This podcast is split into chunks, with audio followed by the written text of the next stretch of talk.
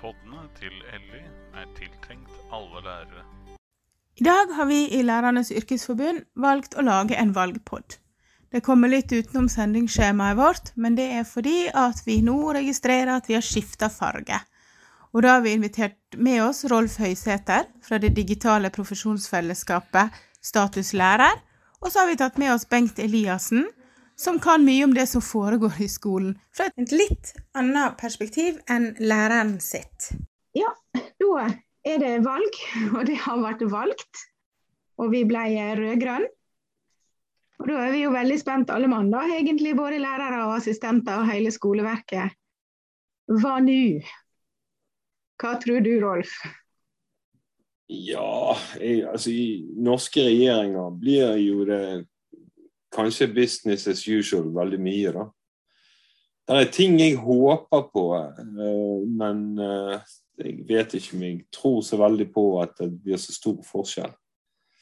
Men jeg håper jo på da at en del av denne her, det som jeg tenker på som Høyre sin stresskole og Med Høyre mener jeg Høyre, Venstre, Kristelig Folkeparti. Altså dette med utstrakt bruk av nasjonale prøver og PISA og ting og tang som, som eh, Det er forferdelig viktig for Norge å få lov å vise seg frem internasjonalt. og at vi at noe av det der trøkket der går vekk, og at vi kan begynne å fokusere på læring istedenfor. Så jeg håper jo det, men uh, veldig, av det jeg har lest nå, da, jeg leste bl.a. den oversikten vi snakket om i, i uh, Utdanningsnytt, og hva mener partiene om skolen, så, så, står det veldig lite om det. Det er vel ingen som uh, går ut og sier at de vil fjerne den typen testing eller nasjonale prøver eller PISA eller hva som helst. Så jeg håper, men uh, jeg vet ikke. Jeg har jo lest meg mest opp på Arbeiderpartiet, da, siden de på en måte ble det største partiet. og De sier at de skal ta et oppgjør med overdreven testing og måling. Men, men, litt lenger nede så sier de at de ikke skal melde Norge ut av PISA. Ja. Det er litt sånn doble signaler på hva, hva de tenker. Da. De vil ha vekk kvalitetsvurderingssystemet, men de vil likevel ha prøve og testing for å finne ut hvordan det går med barna våre. Det, det, det er litt det jeg er redd for. at uh at de, de, Arbeiderpartiet er litt sånn wishy-washy, som vi sier. altså sånn, Litt sånn uh, både ja, og sånn tja og takk og nei og ja og jo. Jeg vet ikke. Jeg, jeg, tror vel ikke at de har en skarp skolepolitikk i så måte med et klart pedagogisk syn på at uh, denne overdrevne testingen er ikke bra for elever.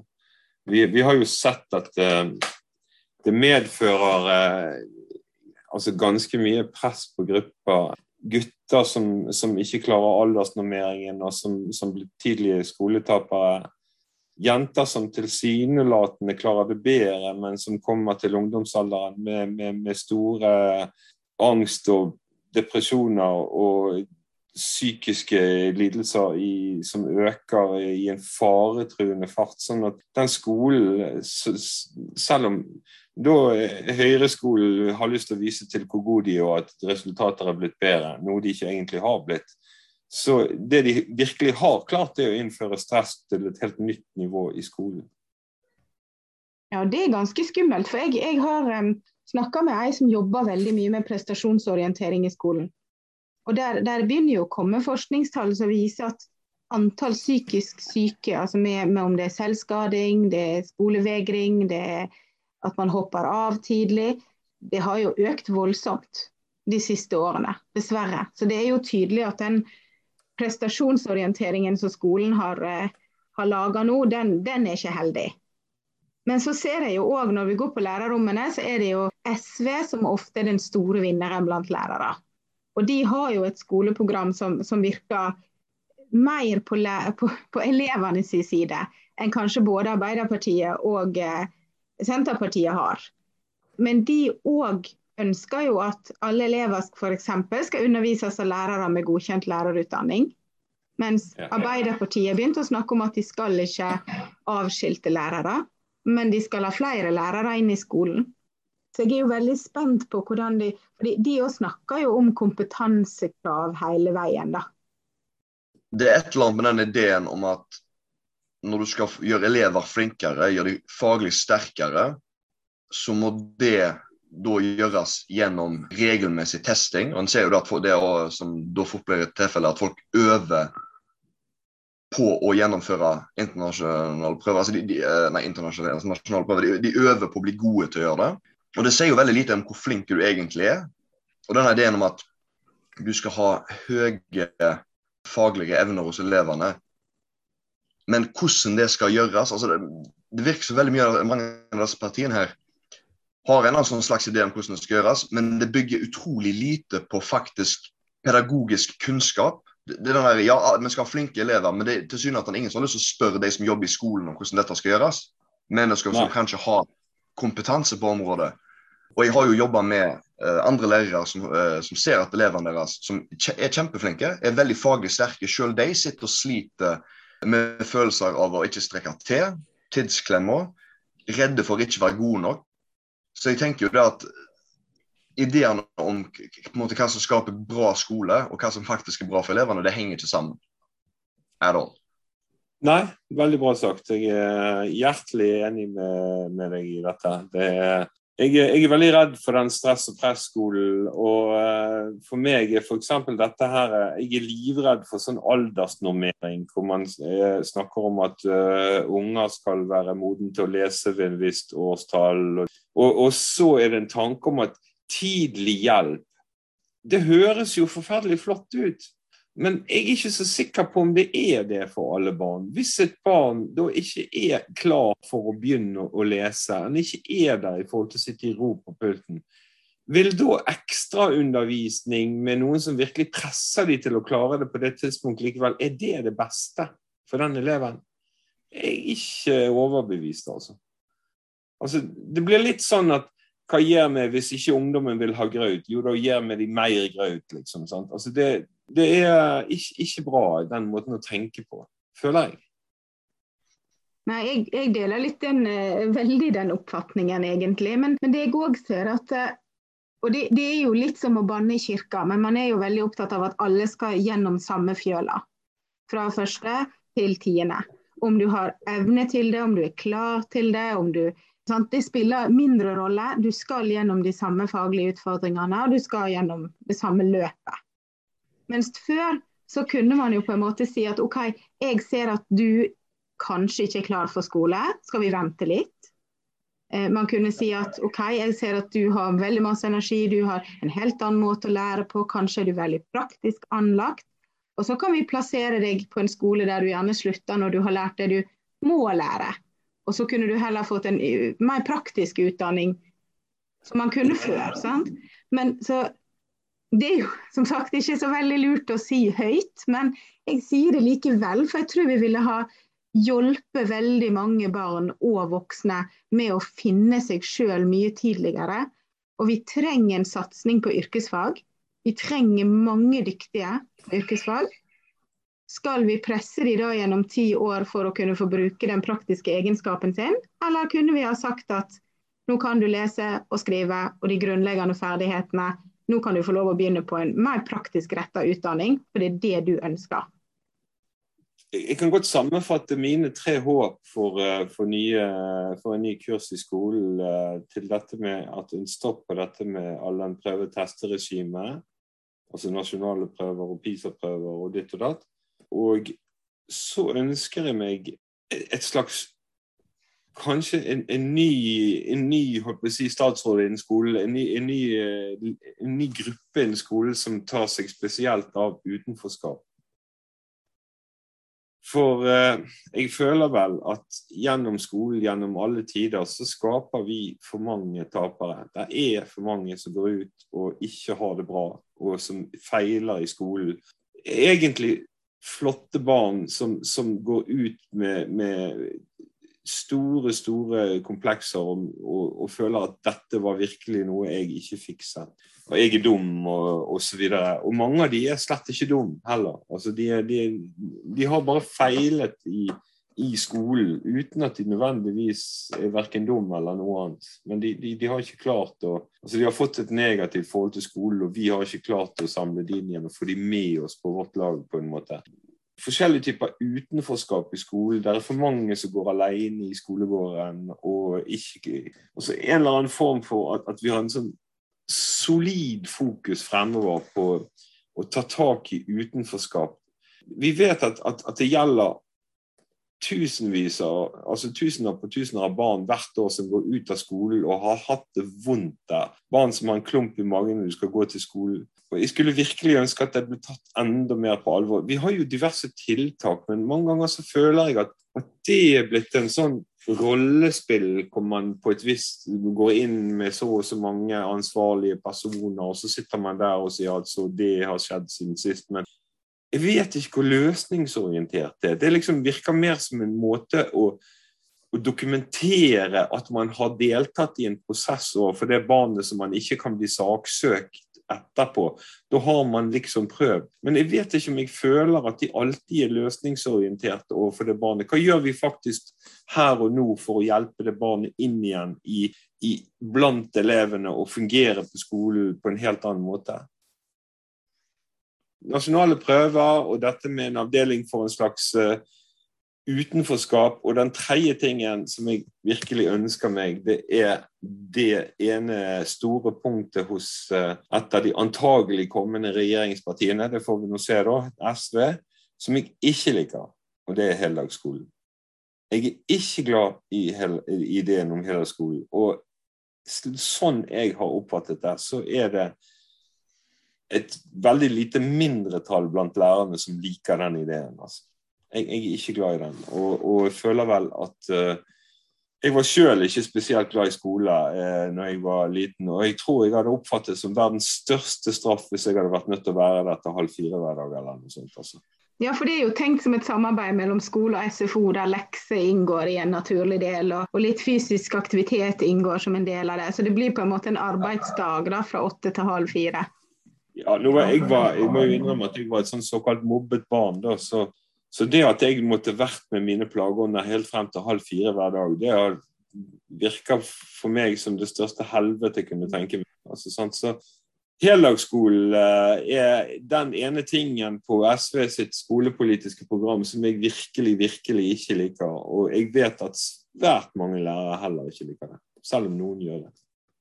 Altså, kommer fra en person som eh, jobber på SFO, har jobba på SFO en stund, og observert barna der. Og det er jo selvsagt elever som har det rimelig greit på SFO, men det er fremdeles dette med at en vanlig arbeidsdag for et voksen menneske er jo gjerne 7,5 timer til 8 timer til kanskje litt mer. Så Det varierer helt innenfor det. Og De fleste av oss er jo rimelig slitne når vi er ferdige der. Og så har du små barn som tilbringer like lang tid eller lenger på skolen rundt folk som kan si, de har null, deler null genetisk materiale med. Og jeg ser hvor slitne de blir. Bare det, altså, Å være på SFO som utgangspunktet på en måte skal være litt fritt, mer lekorientert, ikke ha det samme arbeidspreget som skolen har. Så da tenker jeg at ja da, leksehjelp kan sikkert være greit, men da må en på en måte i utgangspunktet tilbake til det med at lekser er fint for elever som er ressurssterke, har ressurssterke foreldre, kan få hjelp hjemme. Og for elever som har ressurssvake foreldre, og som ikke er så skoleflinke, så er lekser Plaginga fra det offentlige er ikke ferdig når du på en måte går hjem fra skolen. Du skal plages litt når du hjemmer opp. Så det å gi leksehjelp Jeg kan se på en måte i, altså, hvorfor noen som kanskje ikke jobber i skolen, har en idé om at dette på en måte er fint og dette er flott. Eh, men da har du på en måte ikke tatt diskusjonen om hvorfor faen skal de ha lekser i utgangspunktet. Så det å holde elevene lenger på skolen, i hvert fall de som er de, de minste, det ser jeg ærlig talt veldig lite mening i kommer ikke til å melde meg frivillig til å jobbe på en heldagsskole, for å si det sånn. Jeg er Nei. Når det er sagt, så uh, jeg er jo en av de lærerne som er forferdelig lite glad i møter. Og stort sett ikke har noen møter heller. For det at jeg har den spesielle jobben jeg har som fast vikar, så jeg ikke tilhører jeg ikke noe trinn. Så jeg, jeg er på alle trinn. Så jeg uh, slipper trinnmøtene. Og det siste personalmøtet det jeg, får jeg en oppsummering av eh, inspektøren eh, som er ansvarlig for meg. Og eh, så jeg, har jeg byttet til mot å være på leksehjelp istedenfor en gang i uka. Og det leksehjelpen der som en totalt frivillig sak. Og som innebærer større frihet, bl.a. at uh, ungdommene da har lov å ha mobilene sine der, og ingen uh, tvinger de til noe. Hvis de har gjort litt lekser og sitter og spiller litt dataspill, så er det ikke noen som sier det her. Altså, det er en mye friere setting, og det er totalt frivillig. Det syns jeg fungerte bra. Da fikk du hjulpet en del elever som tok til seg kunnskap fordi du hadde mye mer sånn én-til-én-tid. Så akkurat den biten likte jeg, men ikke hvis det er en sånn at man skal være der og man skal gjøre lekser. Da, da syns jeg at lekser blir meningsløse igjen. Og jeg er veldig enig med, med Bengt her eh, om eh, lekser. Jeg, jeg syns i grunnen at det er en del som mistrives såpass på skolen at når de kommer ut den skoleporten, så er de ferdig med skolen. Og de kommer ikke til å gjøre lekser uansett hva du gjør med dem. Men det du gjør med de leksene, er å gi dem konstant dårlig samvittighet og nedadgående sirkel med mentaliteten overfor skolen med de leksene. Fordi de alltid vet at de burde og skulle ha gjort dem.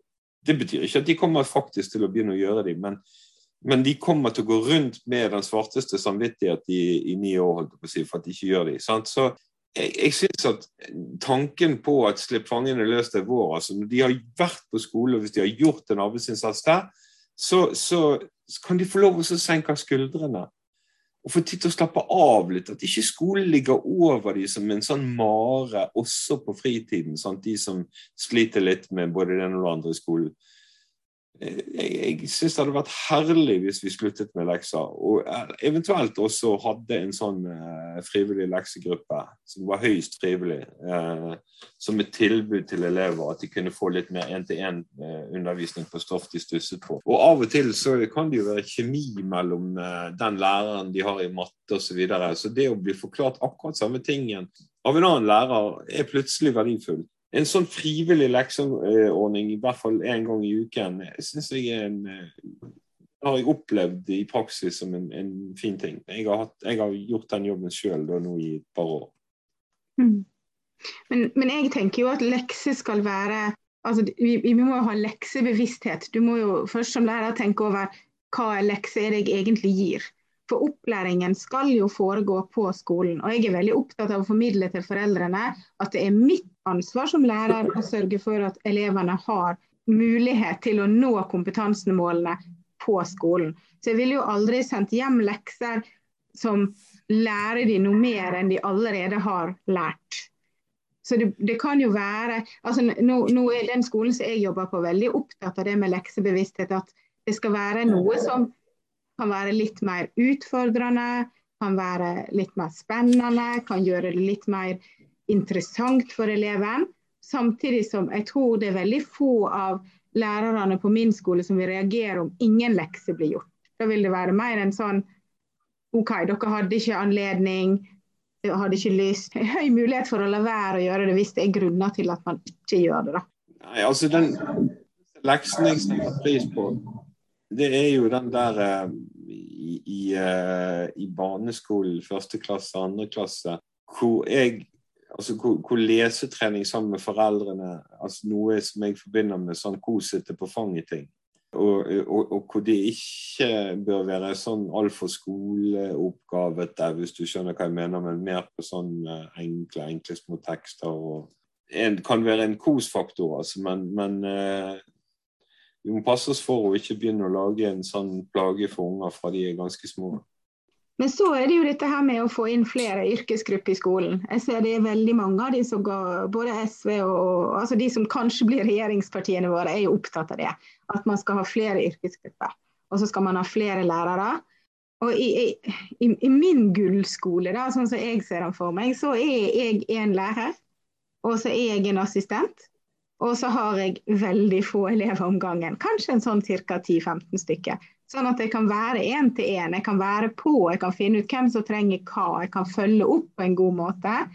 Men, men det er jo sikkert utopisk. Men det er nå en sånn drømmeskole. Og så ser jeg jo som lærer hvor enormt behov jeg har for sånne som Bengt f.eks., som kan sørge for at de som jeg da ikke klarer å hanke inn fordi at jeg skal undervise alle de andre, fortsatt har en mulighet til å delta, eller i hvert fall få en noenlunde grei skolehverdag, så ser i hvert fall jeg verdien av hvis hvis det nå skulle vise seg at de oppfyller valgløftene, at man får både vernepleiere og helsesykesøstre, jeg vet ikke helt hva som er den riktige yrkestittelen lenger, um, inn i skolen. Sånn at man har et større apparat av kompetanse. da. Jeg vet ikke hva dere tenker om det. Nå vet Jeg at Bengt, jeg har jo truffet Bengt i gangene, så jeg vet jo hvordan hans dag er. Ja. Jeg vet ikke om Bengt har lyst til å si noe, du er jo assistent, så Altså, Jeg har jobba på litt grann forskjellige skoler, og det er veldig mye likt mellom dem. For en av de jeg var, Bergensområdet, så hadde de en skolemiljøansvarlig. Og jeg husker ikke hva hun hadde av utdannelse i utgangspunktet, men funksjonen hennes det var å bedre det generelle sosiale miljøet blant elevene. Og så vidt jeg husker, eh, når jeg var inne i den klassen der, for da var det en kompis av meg som var, var, lærer, og han holdt meg på en måte opptatt veldig mye på, på, ting som skjedde på skolen, så sa han at, at elevmiljøet var blitt veldig mye bedre etter at de på en måte hadde noen som var spesifikt ansvarlig for å sjekke ok, har alle det bra, er det noen som faller utenfor, hvordan er elevene mot hverandre. Og da tenkte jeg jo litt da, ok, kanskje det er skolen gjerne kan du si, i en fantastisk flott, vakker verden hadde gått av, var nettopp det med folk med forskjellig kompetanse som kan ta seg av de spesifikke utfordrerne, istedenfor det som gjerne nå er tilfellet nå, hvor du har lærere og assistenter. Og det assistentene gjør, altså hvis vi skal være litt sånn krasse, fort blir dyrepassere i en dyrehage. Og det lærerne skal være, er sosionom, dørvakt, psykolog, forelder. altså det, det Funksjonen til en lærer en dag i dag skal være så veldig mye mer enn det å på en måte innprente kunnskap hos elevene. Så hvis noe av den arbeidsmengden kunne bli flytta fra lærerne kanskje over på folk som spesifikt var gode på sitt fagfelt, så hadde du kanskje òg fanga opp mer av de utfordringene en ser i skolen. Nå, når, når jeg har preparat partiprogrammene og sett det de snakker om, har om at start, at måte, Utgangspunktet for skolen den har nå, er litt sånn rosenrødt og fint. Uten alle de utfordringene. At ting går litt på skinner, og så skal man bare gjøre det litt bedre. Men realiteten er jo ikke det i det hele tatt jeg skulle gjerne vært en sånn flott assistent som på en måte danser gjennom arbeidsdagen min og ga en klem til alle. og sånn så der. Men det er plenty av ganger hvor jeg har måttet vært en ganske sint, streng variant av meg sjøl. Måtte ha kjefta når jeg absolutt ikke har lyst til å gjøre det. Og det som ofte dukker opp, er jo det der med at vi skulle gjerne gjort det bedre, men vi har ikke ressurser. Det finnes ikke penger til det. Nei, kanskje må da skolen for det første få mer ressurser, og da få flere folk med mer variert fagbakgrunn, sånn at du kommer nærmere disse partiprogrammene, hvor skolen faktisk er mer sånn som de da forestiller seg. En hyggelig, fin plass å være, hvor mer ting funker.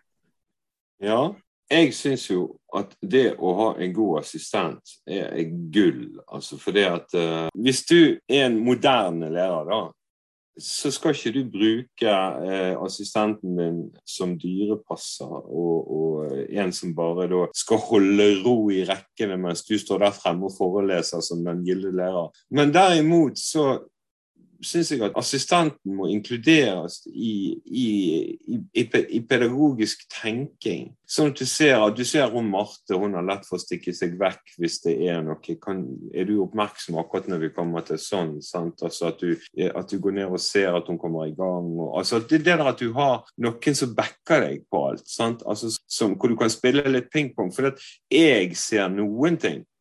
Ingen ser alle ting.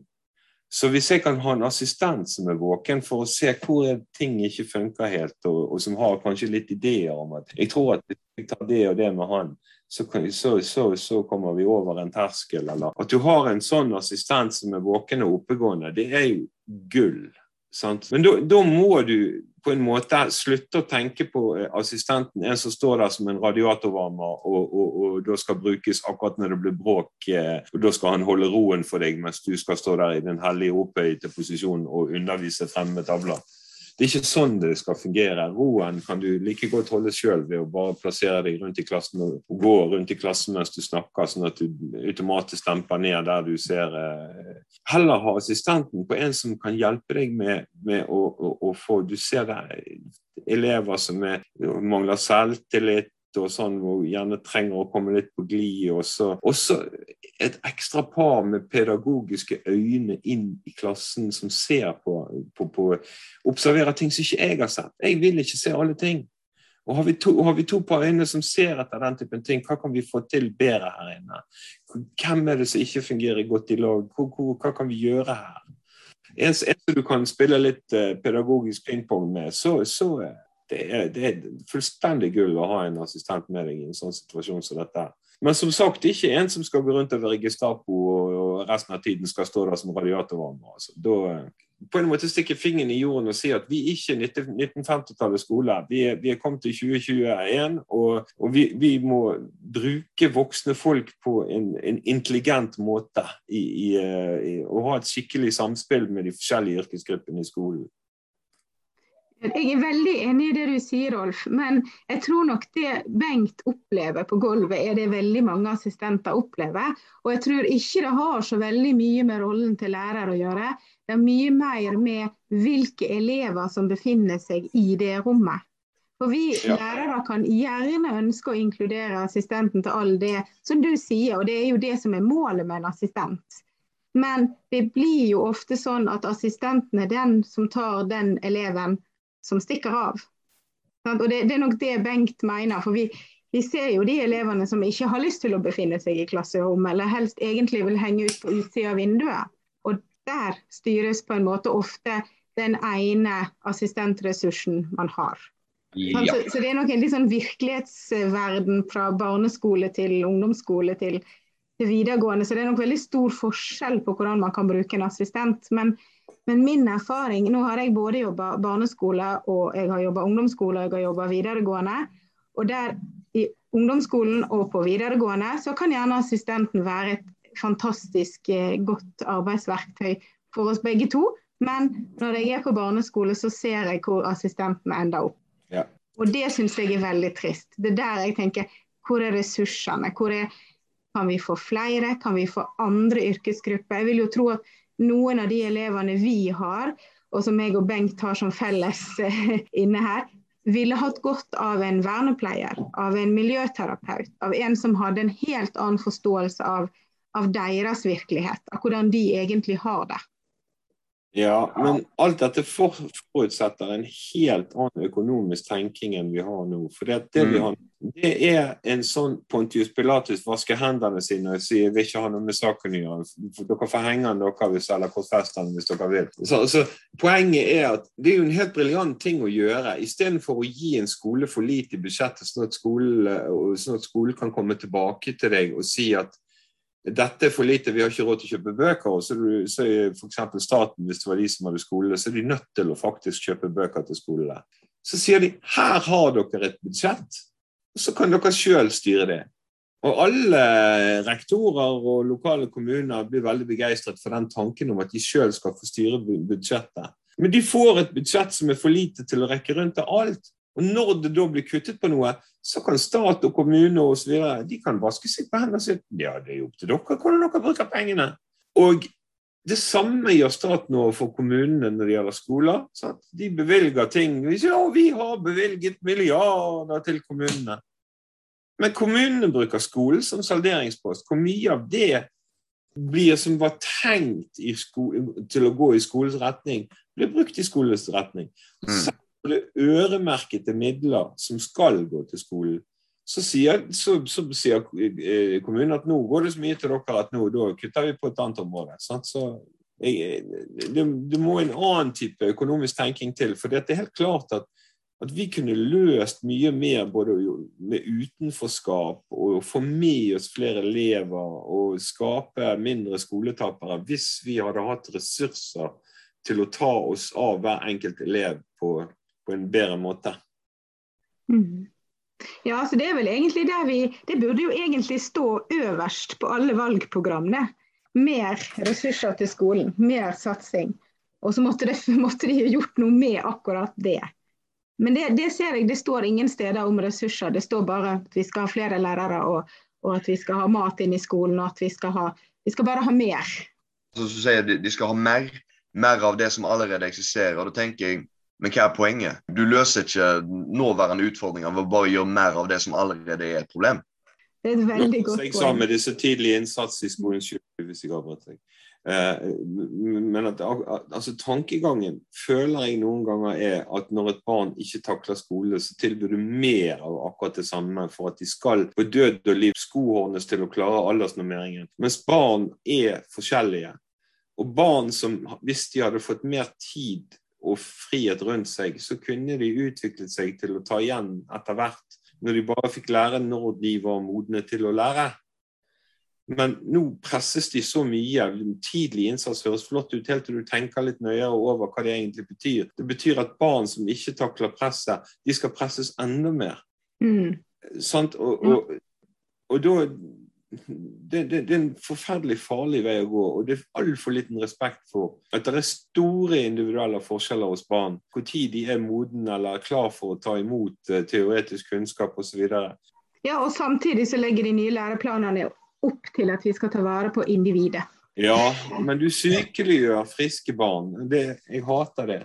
Ja, jeg er veldig, veldig enig i de poengene, Rolf. Det er noen ganger det føles meningsløst når du ser at dette her er ikke motivasjon for eller interesse for i det hele tatt. Men man vet at det kommer til å komme. For vi mennesker er jo skapt sånn at når vi har bruk for noe, da lærer vi det. Og ikke før. Men hvis vi skulle oppsummere nå, da. Våre, vårt største ønske, ett stort ønske for hva vi vil ha ja, jeg kunne jo tenke meg eh, en eh, Jeg må rett og slett si at jeg vil ha, gjerne ha en, en, kunnskapsskole. Og det betyr en skole som går vekk fra all den prøvingen. For prøver og kunnskap det er ikke samme tingen. All testingen og presset. Men mye gøyere skole som utforsker ting og har, kan gå i dybden på ting. Noe av det vi ser i, i den moderne i måten at vi skal gå i dybden på ting. Men hvis du fjerner veldig mye av prøve- og karakterelementer som gjør at, at ungene har tid å få lov å utforske ting ordentlig. Og det er det jeg kaller kunnskap. Det at du ikke dreper kunnskapen i unger. Altså, sant? Du ser barn som kommer på skole, så lærer de, begynner de å lære å lese. Og så syns de er kjempespennende å både leser på dørskilt sånn ut, gang, sant? Og så de leser Syns dette er gøy. Og når de kommer til ungdomsskolen, så er rullegardinen gått så grundig ned. Og, og det å lese er blitt en, en, en straff. Mm. Les den halve siden, sant? og så er det sånn omtrent som du har slått dem.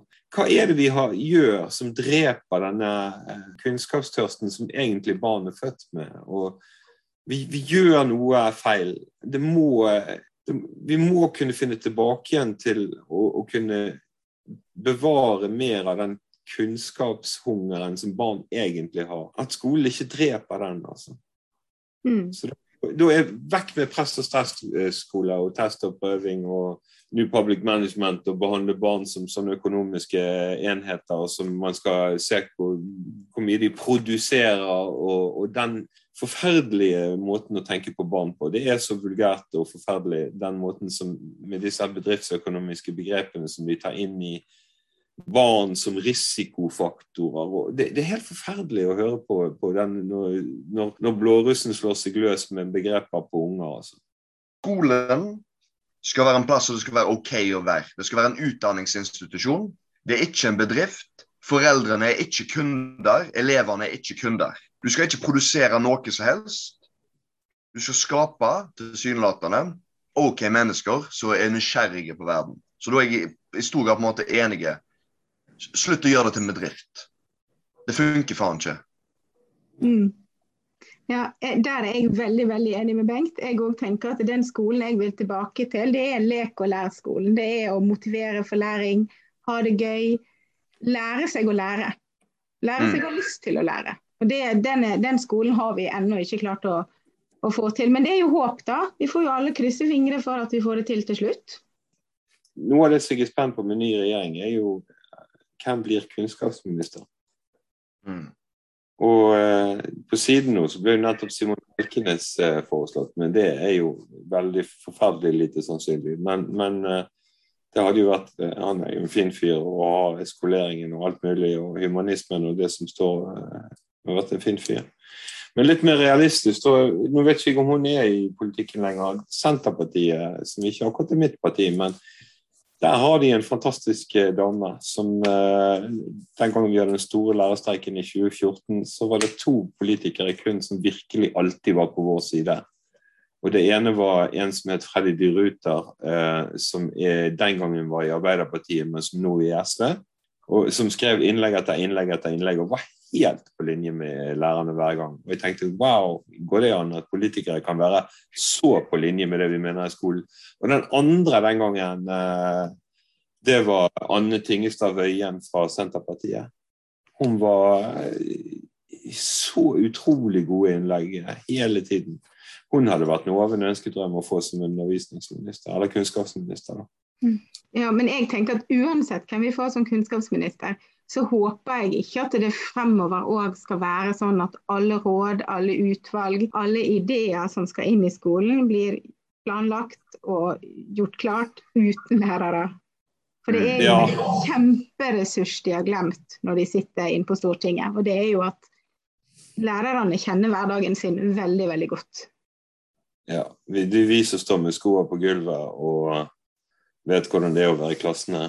Det er altså gitt noen få politikere å, å, å klare å, å, se de tingene fra vårt perspektiv. Som sagt, det var først og fremst de to der. Men det kan jo være at Lysbakken kunne vært en brukbar kunnskapsminister. Ikke vet jeg. Han, han tenker De tenker mye bra i SV, bortsett fra det med heldagsskolen som vi snakket om. Ja. ja, det blir veldig spennende tider framover. Det blir det. Og vi, vi har jo ennå ikke nevnt lønn. Vi vil vel alle ha mer lønn? Bengt, ja. er vi enige? ja, det er vi enige. Det burde absolutt vært bedre betalt i skolen. og nå er det jo faktisk sånn, eh, Skoles landsforbund, min fagforening, de, eh, de, gjorde jo en undersøkelse på hva de forskjellige partiene mente om det å lønne lærere bedre. De fleste undrer jo seg på en måte å si noe særlig og si at dette er jo en sak for fagforeningene og partene i arbeidslivet. Men alle var i og for seg for å gi lærere bedre lønn, unntatt Høyre.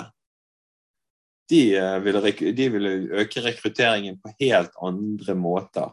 Og som vanlig så skal vi da Vi skal antagelig da ta doktorgrad i neste trinn for å få bedre lønn. Og, eh, men jeg syns jo det er virkelig ille korrupt. altså Når de er de som alltid påstår at vi kan ikke få gode nok ledere uten å betale de titalls millioner eh, kroner i lønn. sant? Men når det kommer til lærerne, nei, da er ikke rekruttering. Nei, nei. nei da er ikke det lønn. Det er ikke aktuelt lenger. Nei, det, det, er sant. det er en dobbeltmoral som er helt hinsides, som viser at de, hvem, hvem, de egentlig beskytter og står for. Det er jo elitene. Sånn som jeg ser det i mitt politiske ståsted. Ja, nei, jeg, jeg, vil gjerne ha mer lønn, men, men eh, jeg vil ha både mer lønn, mer status og, eh, og, mer fokus på at jeg får gjort en god jobb. Så, så jeg kunne bytte bort lønna mi mot status og flere mennesker til å hjelpe meg å gjøre en god jobb. For jeg er der ikke for pengene, jeg er der for elevene. Så, så for meg, så, så, så, så, lenge jeg har mat på bordet, så har jeg vært kjempefornøyd, jeg. Um, så jeg syns jeg har god lønn, men det er jo, det er jo meg. Sant? Det er mitt personlige utgangspunkt. Men selvfølgelig, jeg, jeg hadde stått på barrikadene for høyere lønn hvis det var en, en måte å, å, gjøre min hverdag bedre på. Men, men, den jeg mest har lyst til å kjempe for god lønn på, det er jo assistentene. For de er Ja, de vet jeg går på jobb eh, og har langt under det de yter, for å si det sånn, i lønn tenker jeg også på fritiden til assistentene. altså fordi at uh, Her gir vi de ofte de aller tyngste oppgavene med de aller tyngste elevene i hele skolen. Og så jobber de enda flere timer enn oss.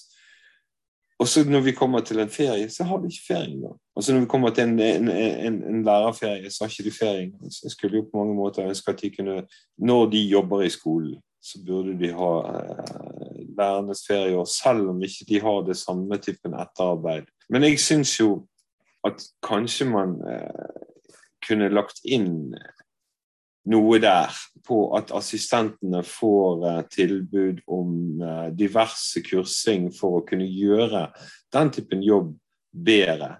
Og at det ville avstedkomme en egen bedre lønnsstige oppover, og, og at det også ville avstedkomme at de fikk lærerfri, mot at de da brukte den tiden til etterutdanning.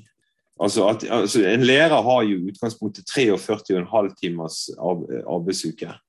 I motsetning til vanlige folk som har 37,5. Så jeg syns jo at vi burde på en måte legge inn eh, etterutdanning på fordi de har så tøffe oppgaver å løse, eh, assistentene. En slags hjelp og etterutdanning på de og en kursing i hvordan de skal takle den og den typen problemer osv. Som gjorde at jobben pluss etterutdanningen ga de da tilsvarende lærerfri. Det var en sånn tanke jeg har. Jeg vet ikke om assistentene ville likt det engang. Altså, sant? Du kan jo høre med en, med en assistent. Jeg forstår hvorfor lærere f.eks. tjener mer enn assistenter. Det er et eller annet med alt det arbeidet på en måte før undervisning, etter undervisning. Det, altså, bare at en lærer går hjem, betyr ikke at jobben slutter. Jeg har jo sjøl ei mor som har vært lærer i mange år. Jeg har diverse slektninger, venner og kjente som er lærere jeg, og kolleger som er lærere. Sånn, så jeg har fått ganske mye innsikt i den mengden med arbeid som gjøres av lærere når f.eks. i helger og sånn, altså når andre har fri. Så jeg mener jo sjøl at det er en grunn til at lærere får bedre betalt enn assistenter. Men samtidig så er det et eller annet med det der med at det, det, er ingen, eller du kan sikkert finne en eller annen tulling, men det, det, er ingen som i hvert fall hvis de har lyst til å fortsette å ha en politisk karriere, med hånd opp i hjertet kan si at assistenter ikke gjør en viktig jobb. Men så er det et eller annet med det at fordi det er en utdanning fra videregående, så blir det plutselig vedlagt veldig lite viktighet. Men sånn, altså, jeg er med ungene når de er slitne, når de er trøtte og når de er ferdige eh, med skolen. Men de er fremdeles tvungen til å være på skolen sine områder, følge en haug med regler som de gjerne ikke er så begeistra for. Ikke kan de leke med og holde på med de tingene som de har hjemme som de egentlig har lyst til å gjøre. Eh, nå er jo for så vidt òg jeg i skolehverdagen og hjelper lærerne der, men det er jo et eller annet at da ofte er elevene så ferdige, så skal du fremdeles på en måte tvinge dem til å ja, kanskje si rett i ryggen, sitt fint, ikke lag bråk, ikke slå han andre i ansiktet, den typen ting. Eh, og det er ganske mye påkjenning både for elevene og for oss assistenter. Så videreutdanning, ja det er jo et alternativ, men jeg tenker også som bare det med at å på en måte anerkjenne at den assistentjobben den er det ikke hvem som helst kan gjøre. Jeg tror det har eksistert veldig lenge en sånn idé om at du kan trekke en gud og hvermann til å være assistent i skolen. Og du må jo forstå at Jeg jo innrømme at jeg er jo for ikke utdannet barne- og ungdomsarbeider. Jeg har lyst til å bli det. Men jeg har jo en mastergrad i historie i utgangspunktet.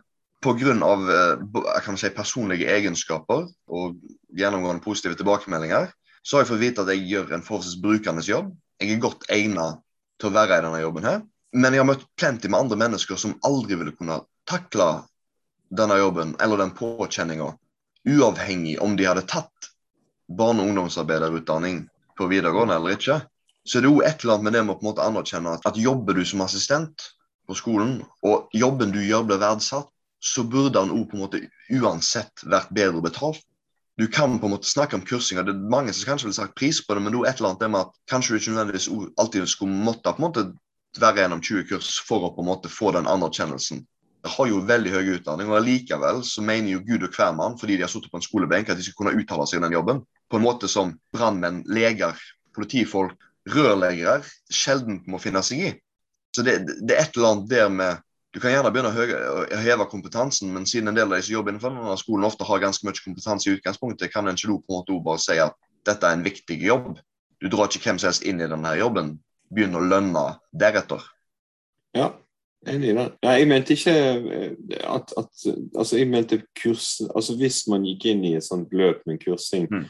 at det skulle da avstedkomme eh, både en lønnsstige, men også en også at dere på en måte kunne forfølge lærernes ferie. og at, at, det vi tar igjen i etterarbeid, i retting osv., at assistentene skulle på en måte, Hvis de bruker x antall timer per uke på kurs, så kunne de også få tilsvarende fri.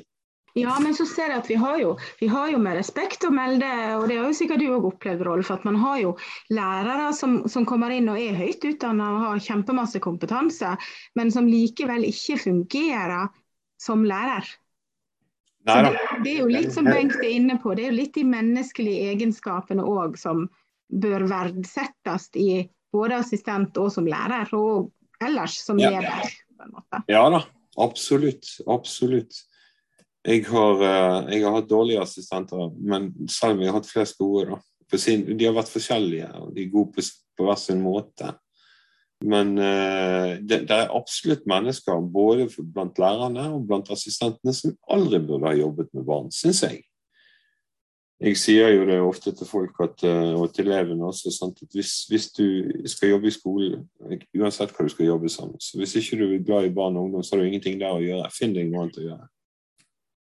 Ja, du må være genuint interessert i det, eller så, så har, du, da har du tapt. Ja. Det har du absolutt. Elevene ser jo det, det der, så de lager hverdagen sur for de som ikke er glad i barn og unge. Så de, ser jo ikke som bryr seg om dem på ordentlig. Så de, de lærerne Du tenker noen ganger på enkelte lærere du ser, og tenker du at hvordan holder de ut i alle de årene? For de får jo så mye motbør fra elevene. Hvordan holder de ut?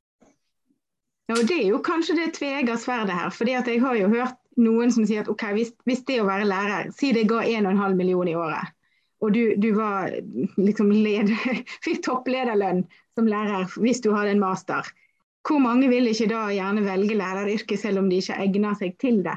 Og så vil de gå der i alle de årene for å få 1,5 mill. Ja Tror du det er noen som vil bite den, eller? Nei, jeg, jeg tviler litt på den. Lærertingen er så spesiell. Altså, eh, man snakker jo ofte om dette frafallet, og at en fjerdedel minst faller fra uh, ut ifra de som er utdannet lærere. Men, og så sier man at vi må få de tilbake igjen i skolen. Og så tenker jeg tja, er du så sikker på det? Det kan godt være at vi er litt velsignet for at de ikke kommer tilbake igjen. For kanskje var de ikke egnet til det. De hadde ikke den mellommenneskelige forståelsen og muligheten eller empatien for å sette seg inn i, og, og tålmodigheten som skal til for å, for å, jobbe med barn og unge over tid. Altså, og da er kanskje alle parter tjent med at sånne folk finner seg heller en kontorjobb eller et eller annet sted hvor de ikke må ha diger tålmodighet for å ta, ta, seg av unge som er i fullt indre opprør hele tiden. sant?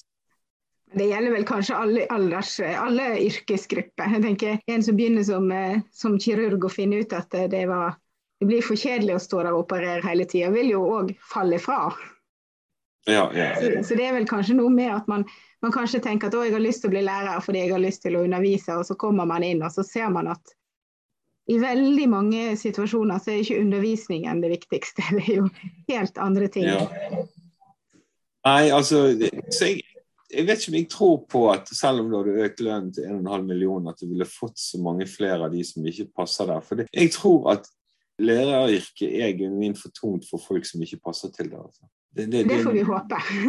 og vi får ja, for veldig mange. Fem mil heller. Ja, jeg mener, fordi Hvis du da skulle lokke til deg de som kanskje var de altså Hvis det var høy status da plutselig å være lærer, og du kunne lokke til deg eh, kanskje de med de aller beste karakterene når de, jeg tror at vi, Selv om de da tjente 1,5 million, så ville de ikke holde ut hvis de For de kan jo også få andre jobber. Og de ville ikke holde ut i skolen hvis de hadde en kjempetøff eh, hverdag og ikke passet til å være der. Så jeg tror ikke det. Jeg håper ikke. Hva tror du, Bengt? Jeg har jo sett folk, altså leserinnlegg fra folk som jobber som lærere, altså som tilsynelatende er flinke, eller de, de fremstilles i hvert fall sånn, vi håper jo at det til tider stemmer, men at det er en arbeidsmengde der som av forskjellige grunner og lite tiltro og New Public Management og en haug med andre utfordringer kanskje har gjort at den totale mengden altså Det finnes plenty folk som er lærere som, som takler det, men at det kanskje kunne vært gjort ting som gjorde at den ble litt mindre. sånn at at du kanskje har lærere som egentlig er flinke men det, men et eller annet med den totale byrden av ting de skal forholde seg til, som gjør at de til slutt må, må, må finne seg noe annet. Tenk på sånn altså, frekvens på sykemeldinger og den typen ting. Men jeg tror nok at de som absolutt ikke egner seg, selv om du hadde, hadde hatt skyhøye lønninger, så tror jeg at de som absolutt ikke hadde noe i skolen å gjøre, det hadde falt ut uansett. Det, altså Uansett hvor mye du tjener, så tror jeg at mennesker når et punkt hvor de rett og slett faen ikke gidder mer og jeg tror jeg er uenig med deg, Janne, at, at, selv om du hadde gitt veldig mye høyere lønninger, så er det på en måte ikke bare det det står og, måte, om en står eller faller. Det er et eller annet med måten skolen organiserer på nå som jeg da mener gagner verken ansatte, elever eller foreldre. Du, du skal, altså, han er på en måte ikke for, for, noen. Så du må gjerne gi de ansatte høyere lønninger. Men hvis du da tenker at ja, nå gjør vi dette, så er alle problemene løst, så har du egentlig ikke skjønt hva problemet er. Mm. Det tror jeg er et veldig godt poeng. Og det håper jeg at når vi nå får en ny regjeringsplattform, så kan vi jo bare krysse fingre for at, man, at disse her, som kanskje nå blir de tre partiene, tar det beste av sine egne program, lytter litt. Kanskje besøker noen skoler. Kanskje litt flue på veggen. Kanskje, kanskje vi burde invitere noen av dem til en dag som assistent, eller en dag som inn og undervise litt et eller annet sted. Og rett og slett få litt følelse av hverdagen. Kanskje vi får en regjeringsplattform som gagner lærere og skole. Og kanskje spesielt gagner barna, elevene våre lønn som en ensidig greie er like dumt som de som uh, tror at hvis du bare utdanner lærerne helt til de kommer opp på doktorgradsnivå, så vil du løse alle problemer i skolen. Det, det, blir, det, blir, bare tåpelig. Uh, det blir fordummende. Altså, når, når, når, uh, når, hun kunnskapsministeren vår, den gode Melby, gikk ut og sa at, liksom at Eh, det, vi, det, finnes én måte å sikre bedre skoler på, og det er bedre lærere. Og det, med, I det legger hun at vi da skal ha høyere utdanning alle sammen. Ja, selv ikke Hattie, som nå er ganske konservativ på en god del områder, mener at det er løsningen på alle ting, at lærerne har bedre, enda bedre utdanning. Det er ofte ikke der skoen trykker i det hele tatt. Det er langt flere problemer i skolen enn at læreren mangler en formell kompetanse i et eller annet fag. Altså. Det blir fordummende når de, når de gjør det på den måten. Lønn er også bare ett virkemiddel. Eh, levelig, altså, jeg, jeg, likte jo Fremskrittspartiet de har jo en formulering som jeg både liker og ikke liker. For De vil på en måte begrense læreren til en slags sånn gammeldags rolle om at en lærer er en underviser det står, De skriver planlegging og gjennomføring av undervisning, evaluering og tilbakemelding av elevarbeid må være lærerens hovedoppgave. Læreren er jo i våre dager i, i høy grad også en omsorgsarbeider, og du må være, du skal være syns jeg. For ellers gjør du rett og slett ikke jobben din. For du må legge til rette for læring. Du må skape et rom og en tillit i eleven sånn at han kommer seg nok ut av sine problemer til at han kan høre på deg Først når du har skapt et rom i eleven for at han stoler på at du bryr deg om han eller hun, så, så har de rom for å lære. Så du må være mye mye mer enn den der lille smale modellen som Fremskrittspartiet har fremme der om at du skal liksom undervise og evaluere og gi tilbakemelding, at det er det du skal gjøre. Men, men det de sier deretter, det er at skolen må deretter ha, derfor ha et annet apparat til å behandle rapportering, spesialoppfølging og merkantile oppgaver lærerens hovedoppgave er å være lærer, ikke byråkrat. Ja, altså Det er både rett og galt. sant? De, de, de, de sier noe som er riktig, men uh, deres idé om den smale sånn, En sånn underviser som står der oppe på tavle Du høres ut som en sånn tavleunderviser som står der i en time om gangen og underviser på tavla. Det, mm. det, det er ikke det en lærer skal være. En lærer skal være alle de andre tingene også. Ja, og jeg, jeg, hadde en veldig interessant samtale der med Elise Farstad Djupedal, som er, er forsker på NTNU. Og Hun har jobba veldig veldig mye med å se på læreplaner helt tilbake til 1960-tallet.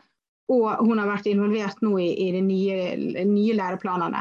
Og hun, hun, var veldig opptatt av at det som blir viktigst nå for politikerne For at politikerne har jo planlagt å se for seg skolen og samfunnet om, i, i 2025. Altså de, ikke, de ligger jo hele tida foran oss hele veien. Og, og, de ser jo hva vil vi trenge om 50 år, f.eks. Mm. Hvilke yrkesgrupper trenger vi, hvilke type mennesker trenger vi. Og så prøver de da å justere skolen sine intensjoner dit, på en måte. Og, og hun snakket veldig mye om at det, det, som mangler av politisk vilje nå, det er jo å omdefinere lærerrollen. For Vi snakker om at vi skal ha kjempemasse kompetanse, det er supert. Og så skal vi ta oss av all administrasjon. Det er jo mindre bra. Men mhm. vi må ha kunnskap for å kunne være gode veiledere. Og det er jo på en måte der vi er på vei, at vi er mer enn veileder. Både sosialt, faglig, mestring. Altså, for vi eier jo de her barna når vi har de. Sånn at ja. jo mer du klarer å være en god veileder, jo mer håp er det om at den eleven vil både trives på skolen, oppnå noe faglig, oppleve den mestringen og kanskje komme ut av skolen som et menneske som har lyst til å fortsette å lære. Som fortsatt har interesse. Og da tenker jeg at da må vi ha lærere inn som velger læreryrket, både fordi at det er faglig krevende. For jeg ser jo ikke for meg å kunne være veileder for en som er veldig god i matematikk, hvis ikke jeg sjøl har en, en, solid kunnskap i matematikk, f.eks. Sånn at det er jo noe med at vi, vi må jo på en måte få politikerne til å forstå at hvis vi skal få en sånn skole som skaffer det de ser for seg om 50 år, som er selvstendige voksne, som søker læring, som, som, er gode på digitale ferdigheter, som er gode i sosial kompetanse, som er gode på samarbeid. Så må de begynne med lærerne, altså Da må de gi lærerne den muligheten til å være sånne veiledere, tenker jeg. Ja, ja. ja absolutt. Veldig bra. Så Det blir jo spennende nå da, å se om, om et regjeringsskifte nå vil åpne for at, at man begynner å tørre å si noe om lærerrollen. Eller om det skal bare skure og gå. Ja, jeg er litt redd for litt sånn mer av same old, same old. Men jeg håper jo på at eh, altså både Senterpartiet og eh, SV er jo partier som har Altså Jeg er ikke forbauset. SV er jo liksom Jeg er jo på venstresiden, som mange er. og eh, og ikke forbauset over at de har et bra skolepolitisk program, bortsett fra det med heldagsskolen. Egentlig er Senterpartiet et litt for borgerlig parti for meg på veldig mange områder, men de har faktisk et veldig bra skolepolitisk program, de også, syns jeg. Mm. Så jeg håper at det kan føre til at, å, å, få Arbeiderpartiet til å tørre å ta noen klare standpunkter. At de, at de er såpass bra skolepartier, begge de to, at, at de presser Arbeiderpartiet til å tørre å stå for noe og, og, og være litt mer drivende i, eh, i kampen om skolen. Istedenfor De flyter litt med elven, syns jeg. De syns de har gjort det i mange år. altså.